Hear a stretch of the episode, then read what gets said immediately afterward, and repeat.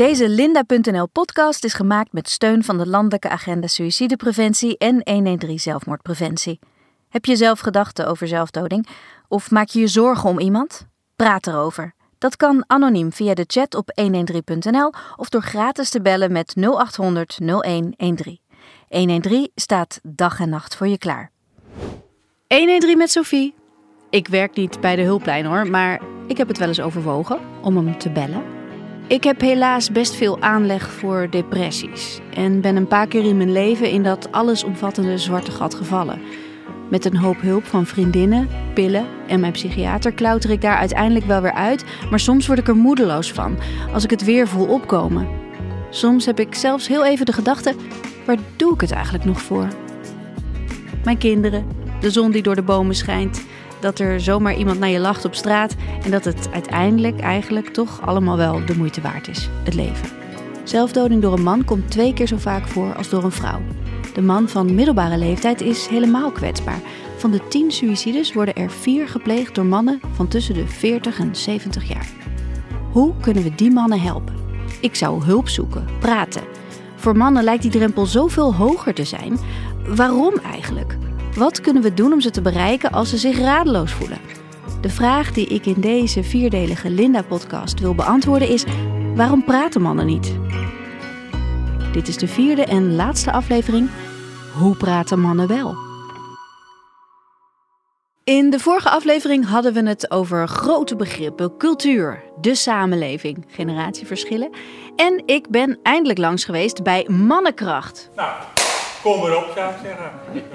En wat ik mijn hele leven al mis, en ik ben 57, is eh, ja, gewoon intiem broederschap. In deze aflevering komen we terug bij de mannen en horen we met wat voor gevoel de mannen hun dag af hebben gesloten. Maar eerst gaan we proberen antwoord te geven op de grote vraag: hoe kunnen we mannen, mensen, helpen met praten?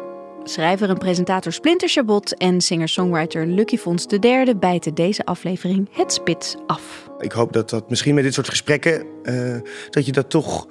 Nou, misschien dat iemand denkt van, oh, ik, ben, ik voel me heel alleen, maar ik kan, ben toch eigenlijk niet zo heel erg alleen. En ik mag best even naar een vriendje of vriendinnetje of iemand om me heen kijken en zeggen, joh, kan je even mijn hand vasthouden? Ja, is dat wat het beste helpt? Kan je even mijn hand vasthouden? Ik denk het wel. Je hebt soms het idee dat als je om hulp wil, vra- wil vragen, dat je ook meteen moet zeggen waarvoor de hulp is.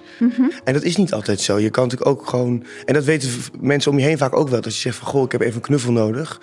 Dat, dat, dan voel je vaak wel aan van oké, ik moet deze knuffel even geven. En misschien wel een vervolgvraag stellen. Of een knuffel geven en niet meteen de vervolgvraag stellen. Wat ook belangrijk is om te zeggen, wat je weinig hoort, maar depressie is heel goed behandelbaar. Ja.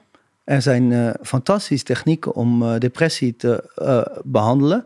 En de meeste mensen die behandeld worden voor depressie, komen er ook vanaf. Ja. Dus, dus dat, ja, dat, dat wordt bijna nooit gezegd. Maar depressie is, er is heel veel kennis over hoe om te gaan met depressie. Maar ja, we moeten natuurlijk wel die depressieveling naar die kennis toe brengen. Ja. En daar valt wat te winnen. Ja. Want, En- en, en, dat, en ik denk dat dat te winnen valt door ja, die drempel te verlagen om er überhaupt over te spreken. Ja. Suicidaliteit is, is natuurlijk ook een, ehm, eh, een enorm taboe. Ja. Want mensen durven dat niet te zeggen. Mensen vinden het eng om over te praten. Er bestaat een soort idee dat als je erover praat, dat het dan triggert. Mhm. Hè? Dat, het, dat, je, dat, dat, het- dat je mensen op ideeën kan brengen. Ja, dat is een heel hardnekkige mythe, zeggen we wel eens. Hè? Eh, dat is waar mensen vaak ook bang voor zijn. Dat ze denken, ja, nou laat ik er maar niet over beginnen. Straks breng ik hem op gedachten. Eh, maar er is echt meer dan genoeg wetenschappelijk bewijs dat, dat, het juist niet zo werkt. Psychotherapeut Marijke Geerdink van 113 herkent ook die angst om een trigger te zijn voor mensen met suïcidale gedachten. Juist, het, het, het, hè, je kan je voorstellen, iemand die in eenzaamheid daar in zo'n tunnel nadenkt over eh, eh, zich niks meer waard voelen, klem zitten, dit komt nooit meer goed. Juist iemand die dan contact met jou maakt, iemand die oprecht benieuwd is naar hoe is het nou met je. Ik, zag je laat en dacht ik, goh, gaat het wel zo goed met je? Dacht ik ga toch eens vragen hoe het echt met je gaat. Hè? Dus zo'n handreiking doet en zich niet zomaar laat wegzetten met een grap. Maar zegt nee, even serieus, hoe is het echt met je? dat dat eh, enorm kan helpen. En als iemand dan ook nog durft te zeggen van joh, ik ben dan toch wel benieuwd of jij ook wel eens ideeën of gedachten hebt van het zou beter zijn als ik er niet ben. Dat iemand dat hardop voor jou durft uit te spreken, dat kan juist de drempel verlagen om daar wat over te vertellen. Omdat dat juist het, het gevoel kan geven van, goh, ik kan hier echt mee komen bij deze persoon. Hij of zij vraagt hier zelf naar, dus ik mag hierover delen. Ja, ja, precies. Dus je maakt eigenlijk je, je maakt de weg vrij voor iemand om dat Ja. dan echt te benoemen. Door het zelf te noemen, kan je de ander duidelijk maken dat hij daarover mag vertellen bij jou. Wat voor advies, wat is het belangrijkste advies wat je iemand kan geven eh, als die in de omgeving denkt: hé, hey, ik zie een man vastlopen of misschien hun eigen man en die vinden het moeilijk om dat gesprek aan te gaan? Of We hebben op onze website van 113 hebben we een online training. Die kan je gewoon in je eigen tijd doen. Die is gratis. Die, dat is de Vraag maar training. Dat, ik zou iedereen op het hart willen drukken om als je dat soort gedachten hebt of je zorgen maakt, om dat vooral ehm, eens te gaan bekijken en te doen. Ehm dat is een training die je online kan volgen, die jou handvatten kan bieden om dat gesprek eh, eh, te voeren met dus dat is echt voor de omgeving. Dat is niet als je die zelf is worstelt. speciaal voor de omgeving, dus echt vanuit het vraag maar, vraag er maar naar. Dus eh, die jou daar handvatten voor kan bieden. Mhm. En ehm, eh, via 113 hebben we ook de, de Gatekeepers training. En dat is ook een training die heel specifiek is om echt wat meer te snappen wat is suicidaliteit en hoe maak je daar contact over met iemand. En als iemand zegt ja, eh, dat heb ik, ik heb inderdaad dat soort gedachten en ik, ik vind het heel ingewikkeld om te delen of ik schaam om dat gesprek met iemand op te starten en wat je dan kan doen. Maar voor de man zelf is er dus de taak om op tijd aan de bel te trekken.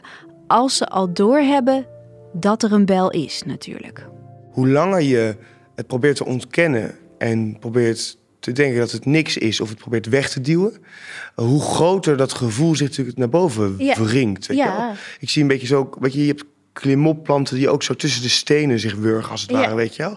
En die stenen ook uiteindelijk kunnen laten breken. Mhm. En wat doornstruik en brandnetels ook, die kunnen ook overal doorheen komen opgeven, weet je. En dat is denk ik ook met dat gevoel en pas als je het gaat omarmen, nu zou ik dat niet omschrijven als brandnettels en, en doornen en, eh en. Nee. Nu zijn het bloemen, die, die emoties. En is het, maar daar moet je wel op een gegeven moment naar gaan kijken. En ook die tocht is best lang. Voor Splinter zelf was er in zijn donkere periode een duidelijk kantelpunt. In die enorme worstelperiode was er voor mij Mark-Marie Huiberts... die, die eh, zat bij de Wildrijd door.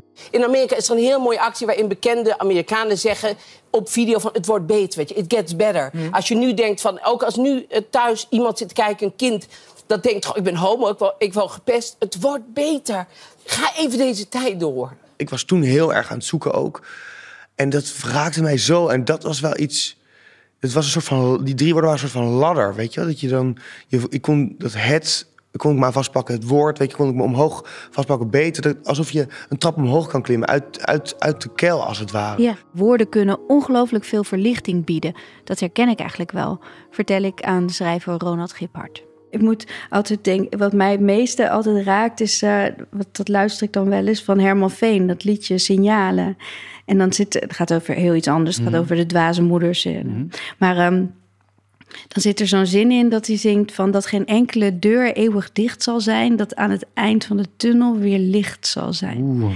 Dat er geen enkele deur eeuwig dicht zal zijn. En tunnel licht. Oké, licht. Ja, oké. En dan, dat helpt mij heel Ja, erg. Die, dat zing ik dan voor mezelf. En ik, oh ja, dat is echt mijn mantra. dan. Mooi. Ja, dat helpt. Ja. Ik zat van, van eh, ik, ik kwam terug van vakantie. Ik ging een beetje op Instagram en zo eh, zitten kijken. Daar zag ik een filmpje waar ik echt van vol schoot. Dat was een, een bokser. Eh, en die bokser die eh, had een wedstrijd gewonnen. En er zit dus een volle arena.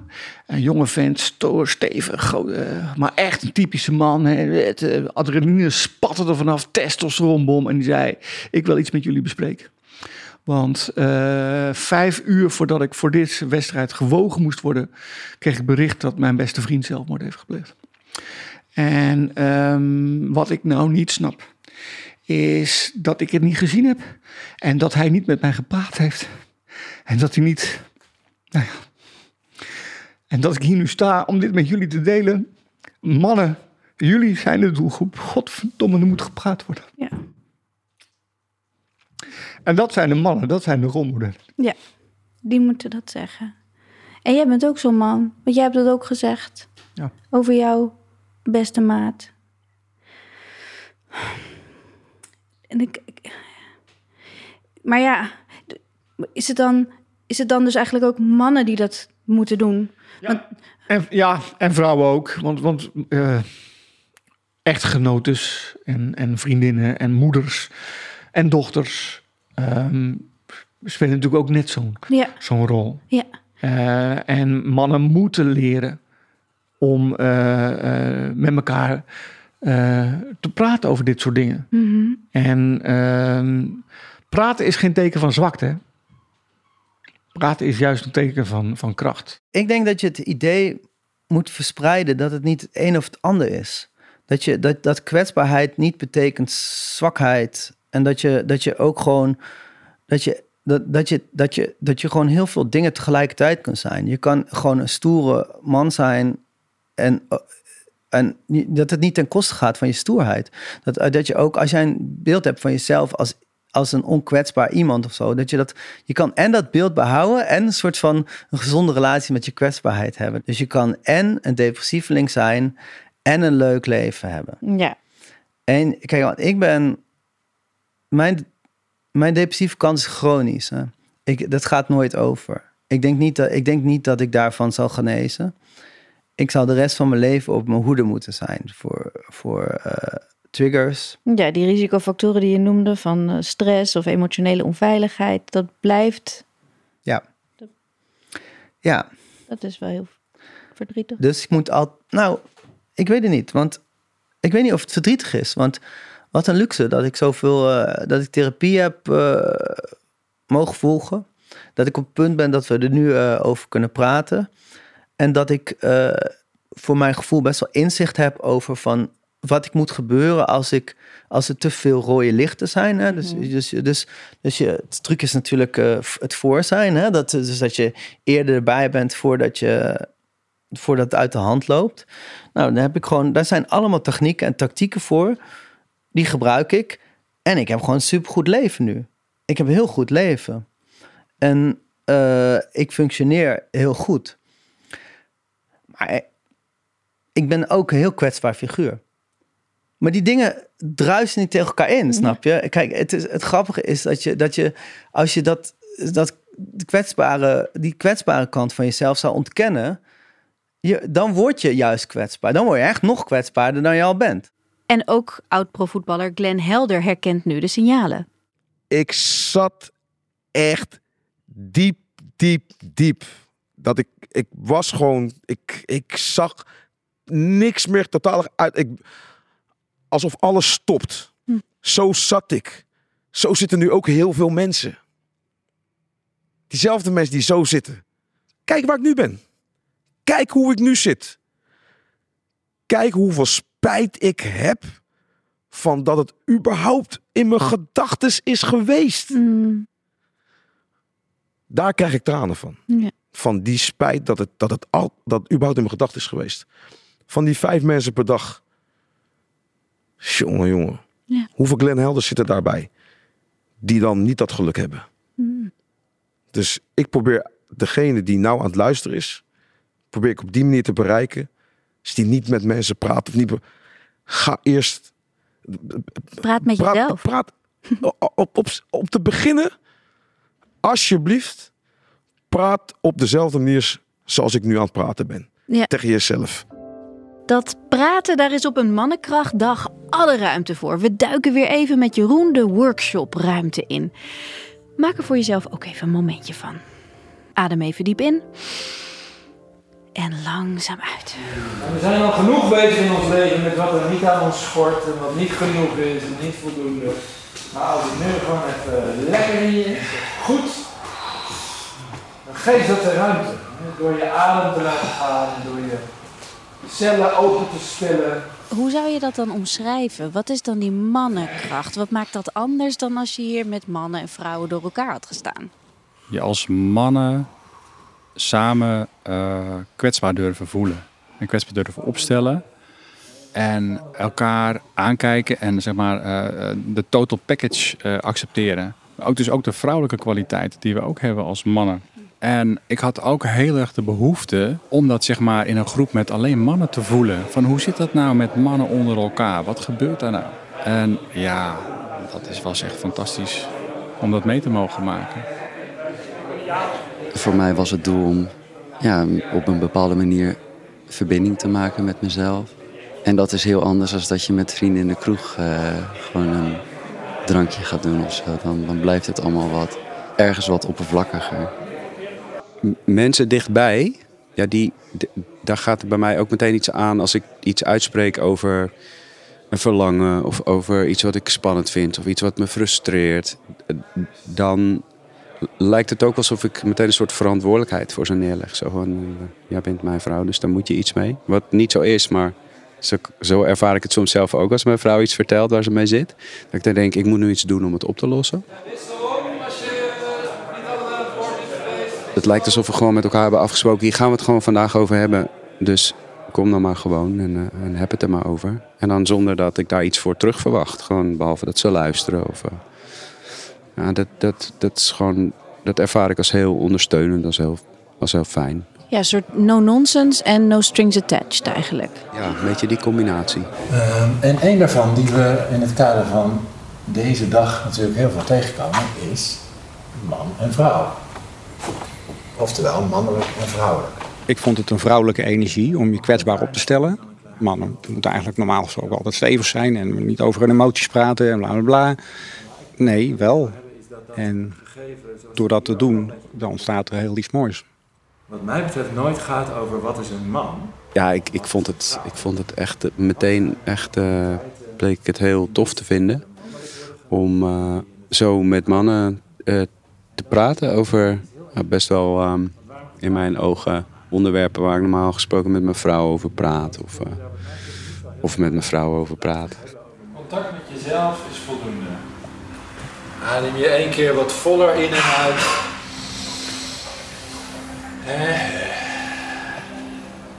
Okay. Ik heb wel vrienden, maar ja, ik zou, ik, die, gewoon wat ik hier vandaag heb meegemaakt, uh, ja, dat was gewoon intiem broederschap. Zoveel broederliefde. Ja, dat klinkt misschien wel raar, maar ja, zo voelde dat wel. En dat heb ik erg gemist. Dan degene in het midden, ontspan je handen, je hoofd, en dan ergens in de komende ademhalingen noem je je naam en dan weet je groepje dat je je gaat laten vallen. Ik was ook een beetje op zoek naar van wat betekent het nou om, om man te zijn. En het antwoord dat ik nu eigenlijk heb gekregen hieruit is dat dat helemaal is wat je zelf wil zijn. Wat meer vertrouwen op mezelf, wat meer bij mezelf komen. Gewoon mezelf er te laten zijn, dat is uh, wat voor mij nu mannelijkheid is ook. Ja. En laat je maar vallen. Er staan mannen om je heen. Echt waar. Wat ik voel is dat iedereen gewoon zijn kwetsbaarheden heeft, zijn onzekerheden en ook zijn kracht. Dat neem ik mee. Of het echt een gevoel van man zijn is, meer een gevoel van, van zijn, gewoon in mij. Ik laat het man-vrouw even los. Het is allebei. En het ene schept het ander. Dus ik ben, ja, zo zou je kunnen zeggen, man en vrouw in één. Uh, dus ik ben niet alleen maar man. En ik ben, ook, ik ben zeker geen vrouw, maar ik ben ook niet alleen maar man. Allebei. En in het midden maak je gewoon mee wat je meemaakt. Adem door. Dat ik ja, langzaam ook voel dat ik een soort ambassadeur ervoor word. Omdat ik gewoon bemerk hoeveel vrijer ik me voel in het delen van ja, dingen waar ik mee zit. En dat gaat echt niet alleen maar over het man zijn of wat het dan ook is. Maar gewoon het, het, het zoeken van, van de verbinding, van steun, van uh, dingen die, waar we volgens mij allemaal als mensen naar verlangen. En gun ook even iemand dat hij uh, echt wordt doorgegeven. Ik voel me completer. Ik kan, kan, makkelijk zeg maar, mijn liefde met mannen delen. Ik, ik heb er echt volledig vertrouwen in dat ik dat tot de lengte vandaag met me mee kan dragen. Voel maar hoe het is om zo'n man te ontvangen. Even bij je te hebben en dan weer door te geven. Stap over je angst heen, stap over je ego heen en deel als je ergens mee zit of iets voelt. Deze mannen is het dus gelukt om de stap naar buiten toe te zetten. Maar hoe ga je ermee om als die stap toch nog te groot lijkt? over emoties hebben en, het, en over gevoel hebben... en wat dat met je doet en wat het dus ook voor invloed heeft op je, op je hele zijn... ehm, is iets wat je, wat je moet leren. En als je dat dus niet op jonge leeftijd al hebt geleerd... maar pas op oudere leeftijd, of oudere leeftijd... op een wat latere leeftijd Ja. mee geconfronteerd wordt... is dat natuurlijk, kan je er heel erg mee vast gaan zitten. Ja. Heel erg opgesloten mee zitten. Ehm, En hoe vinden we daar dan... eh, nou, het probleem is denk ik dat, dat het, het grote gevaar is natuurlijk dat je vastzit met het idee dat je het ook allemaal zelf moet oplossen. Dus het gevoel is in je lichaam.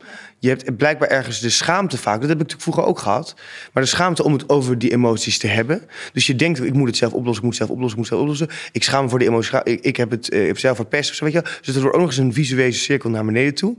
En op een gegeven moment moet je de hoe, la- hoe langer die gedachten en gevoelens bij jezelf houdt, hoe heftiger die wervelwind en die storm in je hoofd en in je buik wordt. Mhm. En het enige, echt het enige wat het oplost, is om even een ventiel open te zetten, weet je? Om even iets van lucht, even iets van die, van die storm eruit te laten. En, dat, en dat ventiel is natuurlijk een, de metafoor nu. Heel Ja. mooi, want je bent schrijver. Maar, Maar wat is het eh, concreet? wat- Nou, dat kan dus bijvoorbeeld. eh, ik merk wel met, bijvoorbeeld met jongens dat het veel makkelijker is als het één op één is om. Eh, om daar met elkaar eh, bijvoorbeeld over te hebben. Dus in groepsverband is het vaak ingewikkeld of zo. Maar één op één, wat bij vrouwen niet zo is. Want als ik met een groep vriendinnen eet, dan, gaat, dan wordt het gewoon eh, klassikaal even gezegd. Ja. Gaat, iedereen's gevoel gaat gewoon op tafel. Ja. Dat is helemaal niet Het raar. hele leger gaat Het erop los. Ja, ja, en iedereen, iedereen gaat gewoon hup, met z'n allen. En dan is de volgende. Die weet ook, je bent aan de beurt zometeen, weet je wel.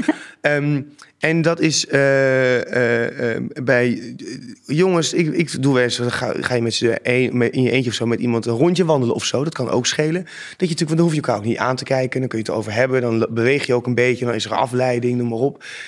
Maar dan, dan kan één op één het, kan al heel erg helpen. En dan is het natuurlijk ook ligt bij jouzelf dan. Ik bedoel niet bij degene die dus over zijn emoties moet gaan praten, maar bij degene die de aanhoorder is, of de vriend of de vriendin, of de mens, de, de, eh, de, de taak om het te zien bij iemand. En iemand ook een beetje daarvoor uit te nodigen om mee te gaan, eh, over te gaan praten. En is een bepaalde taal die helpt daarin? Wat is, wat is een goede vraag? Ik, ik denk dat het om te beginnen helpt om zelf heel erg kwetsbaar te zijn. Soms zeg ik, eh, als je met iemand loopt, dan doe ik wel, of je zit met iemand, weet ik gewoon van ja, ik, ik deel gewoon heel erg hoe dat bijvoorbeeld voor mij is geweest. En dan, weet, dan merkt iemand, voelt dan, iemand zal nooit zoveel zelf teruggeven op dat moment meteen, maar merkt een soort van veilige bubbel. En een soort van, soms heb je ook dat je dan opeens voelt alsof je zelf in een café zit, dat op, aan jullie tafeltje de tijd ook even net anders gaat dan de tafels om jullie heen. Weet je, je kan een soort van zwaartepunt daar voelen. Een soort van magneet opeens is aangezet. En dan voelt iemand echt wel van, ik kan wat meer geven. En dan zal die persoon niet alles geven, maar ook al gaan er maar drie zinnen uit. Dat zijn wel drie zinnen die je uit die duizenden die rondstuiteren in het lichaam eruit hebt gehaald. Waardoor er dus weer iets meer ruimte is ontstaan. Je omgeving is dus heel belangrijk. Iemand moet dat ventiel in een veilige omgeving open kunnen zetten. Eén op één met een wandeling bijvoorbeeld. Dat kan je doen als vriend, maar ook als partner. Dat vraagt misschien veel, maar het is wel heel helpend. Mijn ex-vriendin, eh, ik, moet, ik, ik, ik, ik moet haar wel prijzen in hoe zij daarmee is omgegaan. Mhm. Zij heeft altijd met mij gesproken. Zij heeft ook zelf ook aangegeven van, nou hier, dit, dit deel vind ik echt lastig. Ja. En welk deel was dat dan wat ze lastig vond? Was dat die suicidaliteit? Mm, nee. Het was toen ik bijvoorbeeld beter werd. Eh, en toen ik weer van het leven kon genieten, toen was ik, werd ik zo gretig dat ik eigenlijk ook weer een beetje weinig eh, aandacht aan haar besteed of zo. En ook, en ook, ze zei ook wel tegen mij, ja, ik vind het gewoon moeilijk dat je altijd moe bent. Ik vind gewoon ook, eh, is, ja, gewoon, ik bedoel, en ze zei, je mag een depressie hebben. En ze zei, ik vind het best lastig om een relatie te hebben met een depressief persoon. Ik denk dat je niet moet ontkennen dat het voor jezelf ook zwaar is als iemand in jouw omgeving depressie heeft. Want anders krijg je ook alleen maar een soort patiënt Ja, eh, en- ja, hulpverlener ja, en, en een soort feedback. Ja, waar je, op, voor- waar je voor moet oppassen is dat je geen ressentiment hebt. Ja. Dat je, geen, dat je niet boos iemand bent op die ander. neemt, Ja, want soort- dat, dat gebeurt vaak hoor. Dat mensen eigenlijk zeggen van ja, ik ben er voor je. Maar ondertussen denk je van, trut, waarom ben je nou depressief? Ja. Of rotzak, waarom ben je nou depressief? En ook wat er ook natuurlijk een soort van weirde, crazy feedback loop is. Dat je nadenkt over die depressieveling en zegt, wie ben jij om mij te confronteren met mijn onmogelijkheid om jou gelukkig te maken? Ja. Dus ik denk dat je heel erg moet opletten voor een soort van simpeler gezegd voor een soort emotionele dynamiek. Mhm. Waar je meegaat in die, waar je eigenlijk meegaat in die negatieve Ja, spiralen. je moet eigenlijk de dynamiek gezond houden. Juist Ja. om iemand die op dat moment niet gezond is Ja, te, beschermen. Ik vond dat zelf ook een van de lastigste dingen van weer uit de depressie komen. Dat je denkt, oh, nu moet ik echt weer meedoen voor, met het leven. Helemaal. Nu wordt mijn gedrag me weer ten volle aangerekend. Ik heb geen excuus meer. Ik moet nu gewoon ja. terugbellen, de telefoon opnemen, reageren. En als je er dan dus weer bent, moet je ook niet denken dat vanaf dan de zon elke dag weer schijnt en dat er nooit meer een probleem is. Dat alles of niets denken helpt niet. Ik kan je voorstellen dat we vaker bij mannen ook wat meer dat zwart-wit denken zien. Hè? Dus het is het een of het ander, het is erop of eronder. Ehm, ehm, waar, waar juist ehm, eh, de mogelijkheden zitten in het grijs. In de Mhm. nuances, in het wikken en het wegen. Mhm. Eh, dus daar zit de meeste ruimte voor verandering. Maar het is of dit of dat.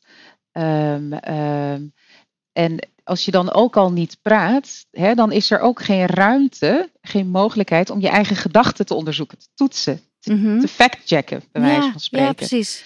Eh, dus als je dat voor je houdt, dan, blijft dan, dan zit je in die koker, in zo'n tunnel. En wat je eigenlijk krijgt, is dat het niet meer gecontroleerd wordt. Er, wordt, er vindt geen fact-check plaats. Het is gewoon zo. Ze zijn beter af zonder mij. Ik kan er maar beter niet zijn. Dit komt nooit meer goed. De truc is eigenlijk om mensen te verleiden om weer terug te komen naar dat grijs in ieder geval. Het hoeft niet meteen, want je wil eigenlijk dan misschien door die luchtpuntjes te benoemen, iemand een, een ander beeld voorspiegelen van, ah, maar het valt allemaal mee of zoiets. Maar ja, daar Ja. dat is een te grote stap. Maar in ieder geval in dat grijs bewegen, dat is in ieder geval al niet helemaal zwart Juist. meer. En wat wij weten is, dat zien we in de hulplijn, maar dat blijkt ook uit allerlei wetenschappelijke onderzoeken, eh, Nederlands, maar ook internationale onderzoeken, dat mensen eigenlijk nooit gewoon dood willen, maar vooral heel veel ambivalentie voelen. Dus niet zozeer dood willen als wel niet weten hoe ze verder moeten leven of niet weten hoe ze met dit leven verder moeten. Mhm. Eh, en dan denken dat de dood daar dan mogelijk een oplossing voor kan zijn. Terwijl als je dus met mensen daarover in gesprek kan gaan, enerzijds zie je het niet meer zitten en weet je geen uitweg, maar anderzijds wil je ook niet per se dood, hè? Dat, dat, dat dat heel helpend kan zijn. Laten we dus het grijs proberen op te zoeken. Die ruimte tussen alles of niets. Daar kun je iemand helpen om te voelen dat de dood niet de oplossing is, maar wel dat er iets moet veranderen. Kijk, mijn ouders konden mij op een gegeven moment niet meer bereiken tijdens die twee, drie maanden. Ook dat ik niks thuis zei. En toen dacht ik wel van, nou ja, wat je kan proberen is als direct contact niet meer mogelijk is, om indirect contact te maken. Dus een brief schrijven naar elkaar. Dat, kan, dat geeft een soort van rust. Het geeft eh, adem. Het zorgt ook dat je, ook degene die de brief ontvangt, eh, dat hij het nog een keer erbij kan pakken en nog Ja. een keer kan lezen. Ja. Eh, ook als je liefdevolle dingen op een brief, in een brief schrijft. Dat is een knuffel die niet kwijt kan raken, ook niet in je hoofd. Dus stel dat iemand vandaag jou een knuffel geeft, dan kan het zijn dat je morgen eh, eh, dat die weggewaaid is in je hoofd, weet je wel. En ook als je verdrietig bent, dan ga je die ook die herinnering niet naar boven halen. Maar een brief die, die bijvoorbeeld op de zijkant van je bureau ligt, die kan je pakken, die kan je vasthouden. Daar staat het zwart op wit. En dat is soms heel krachtig om te hebben. Zoveel ideeën en handreikingen om dat wat bijna onnoembaar moeilijk lijkt, toch bespreekbaar te maken. Ik hoop dat je dingen hebt gehoord die je echt kan gebruiken en dat je voelt dat jij kan helpen om iemand uit zijn donkere gedachtenstorm te halen. Door te vragen waarom iemand zoveel gamet of hem een brief te schrijven zodat hij weet dat hij er voor jou toe doet. Of misschien zelfs expliciet te vragen of iemand dood wil. Als je het moeilijke antwoord daarop durft aan te horen, kan je iemand echt helpen. Die vraag kan zelfs levensreddend zijn. Maar mannen, jullie moeten zelf ook aan de slag. De opdracht aan, aan mannen is niet alleen zelf praten, maar ook eh, veel beter kijken naar je vrienden. Ja. Veel beter luisteren naar je vrienden. Ja. Eh, en niet alleen je vrienden, maar ook gewoon eh, mensen die je kent of mensen, of me- mensen op straat. Ja. Ehm, gewoon eens vragen, gewoon eens een, een gesprek aanknopen, praten met elkaar. Ehm, en eh, aan elkaar eh, duidelijk maken ook, ik, ik zie je, ik, ik kijk naar je. Ik wil Splinter, Lucky, Glenn, Ronald, Rob, Jeroen en de mannen, Marijke Geerdink van 113 Zelfmoordpreventie en Linda bedanken. Dit was hem, 113 met Sophie. Het klinkt misschien gek, maar ik vond het heel leuk om zo open over dit onderwerp te praten. Heel bevrijdend. Alles hieraan kan zo zwaar voelen. Mannen die vanaf heel jong toch net iets meer aangemoedigd worden zich te vermannen en zo een taalachterstand oplopen en dan ook nog vinden dat ze alles zelf alleen op eigen kracht op moeten lossen, hoeven die zwaarte niet alleen te voelen en te dragen. Je kan iemand laten voelen dat dat luikje open mag bij jou. Lijkt mij een hele eer. Dankjewel dat je luisterde en nog één keer bedenk, het wordt lichter. Geef jezelf tijd. Ik zie je.